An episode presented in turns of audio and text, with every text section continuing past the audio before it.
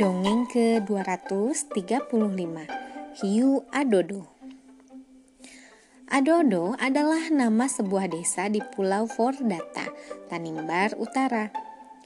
Di sana hiduplah keluarga bangsawan. Suami istri itu memiliki dua orang anak. Anak laki-laki bernama Tamero, sedangkan anak perempuan bernama Inkelu. Inkelu adalah gadis yang sangat cantik. Sayangnya, belum ada warga desa yang pernah melihat wajahnya. Menurut adat, anak perempuan bangsawan tidak boleh keluar rumah sampai dia dewasa. Kini, Inkelu berusia 15 tahun. Dia mencoba meminta izin orang tuanya pergi ke pantai. Tidak boleh, usiamu baru 15 tahun. Kau tidak boleh keluar rumah. Nanti saja, ketika usiamu sudah 17 tahun, kata sang ibu. Tapi aku pikir Inkelu bisa menjaga dirinya sendiri.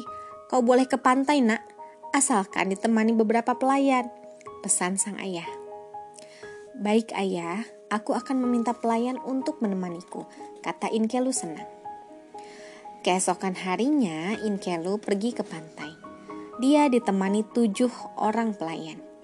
Mereka membawa beberapa bakul untuk wadah kerang atau kepiting di laut.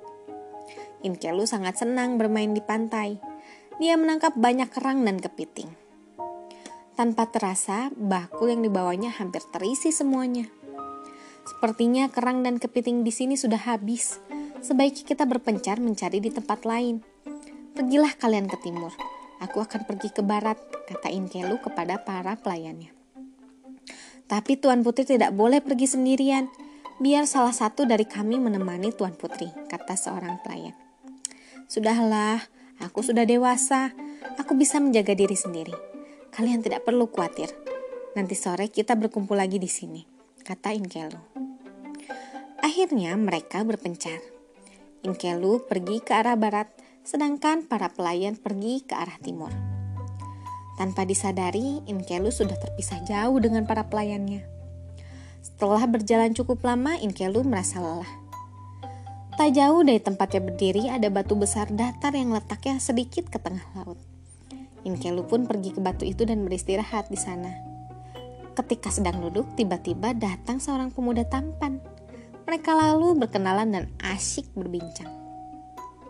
Tanpa terasa, hari sudah semakin sore. Inkelu harus segera kembali menemui para pelayannya. Dengan berat hati, Inkelu berpisah dengan pemuda itu. Semenjak bertemu dengan pemuda itu, Inkelu merasa ada yang aneh di dalam tubuhnya. Namun dia tidak pernah menceritakan pertemuannya itu dengan sang pemuda kepada siapa pun. Sepulang dari pantai, Inkelu tampak murung dan lebih pendiam. Orang tuanya tidak tahu apa yang sebenarnya terjadi. Setiap ditanya, Inkelu tidak pernah menjawab apa-apa. Tiga bulan telah berlalu. Orang tua Inkelu sangat terkejut mengetahui kalau putrinya sedang mengandung. Bulan berganti bulan, akhirnya Inkelu melahirkan. Ternyata Inkelu melahirkan seekor anak hiu berwarna putih. Namun ada hal yang aneh pada bayi hiu itu. Jika diletakkan di dalam air, dia tidak mau tengkurap seperti ikan biasanya. Bayi hiu itu justru tetap terlentang. Setelah beberapa waktu akhirnya Inkelu mengaku mengenai pertemuannya dengan pemuda itu. Mungkin pemuda itu adalah makhluk halus. Kau pasti sudah menghirup nafasnya. Nafas itulah yang menyebabkan kau hamil, kata ayahnya. Akhirnya Inkelu dan keluarganya pergi ke pantai. Mereka menuju batu datar tempat Inkelu bertemu dengan pemuda itu. Sampainya di sana, bayi hiu itu diletakkan di dalam air dekat batu datar. Ternyata bayi hiu itu bisa membalikan badannya dan berenang seperti ikan pada umumnya. Berarti benar, ayah bayi hiu ini berada di sini, kata ayahnya. Tanpa terasa, sudah setahun mereka melepaskan bayi hiu itu ke laut. Malam harinya, Tameru, kakak Inkelu, ber bermimpi bertemu dengan ikan hiu kecil pemenakannya. Paman Tameru, aku sudah berusia satu tahun. Aku harap paman mau datang melihatku di dekat batu datar.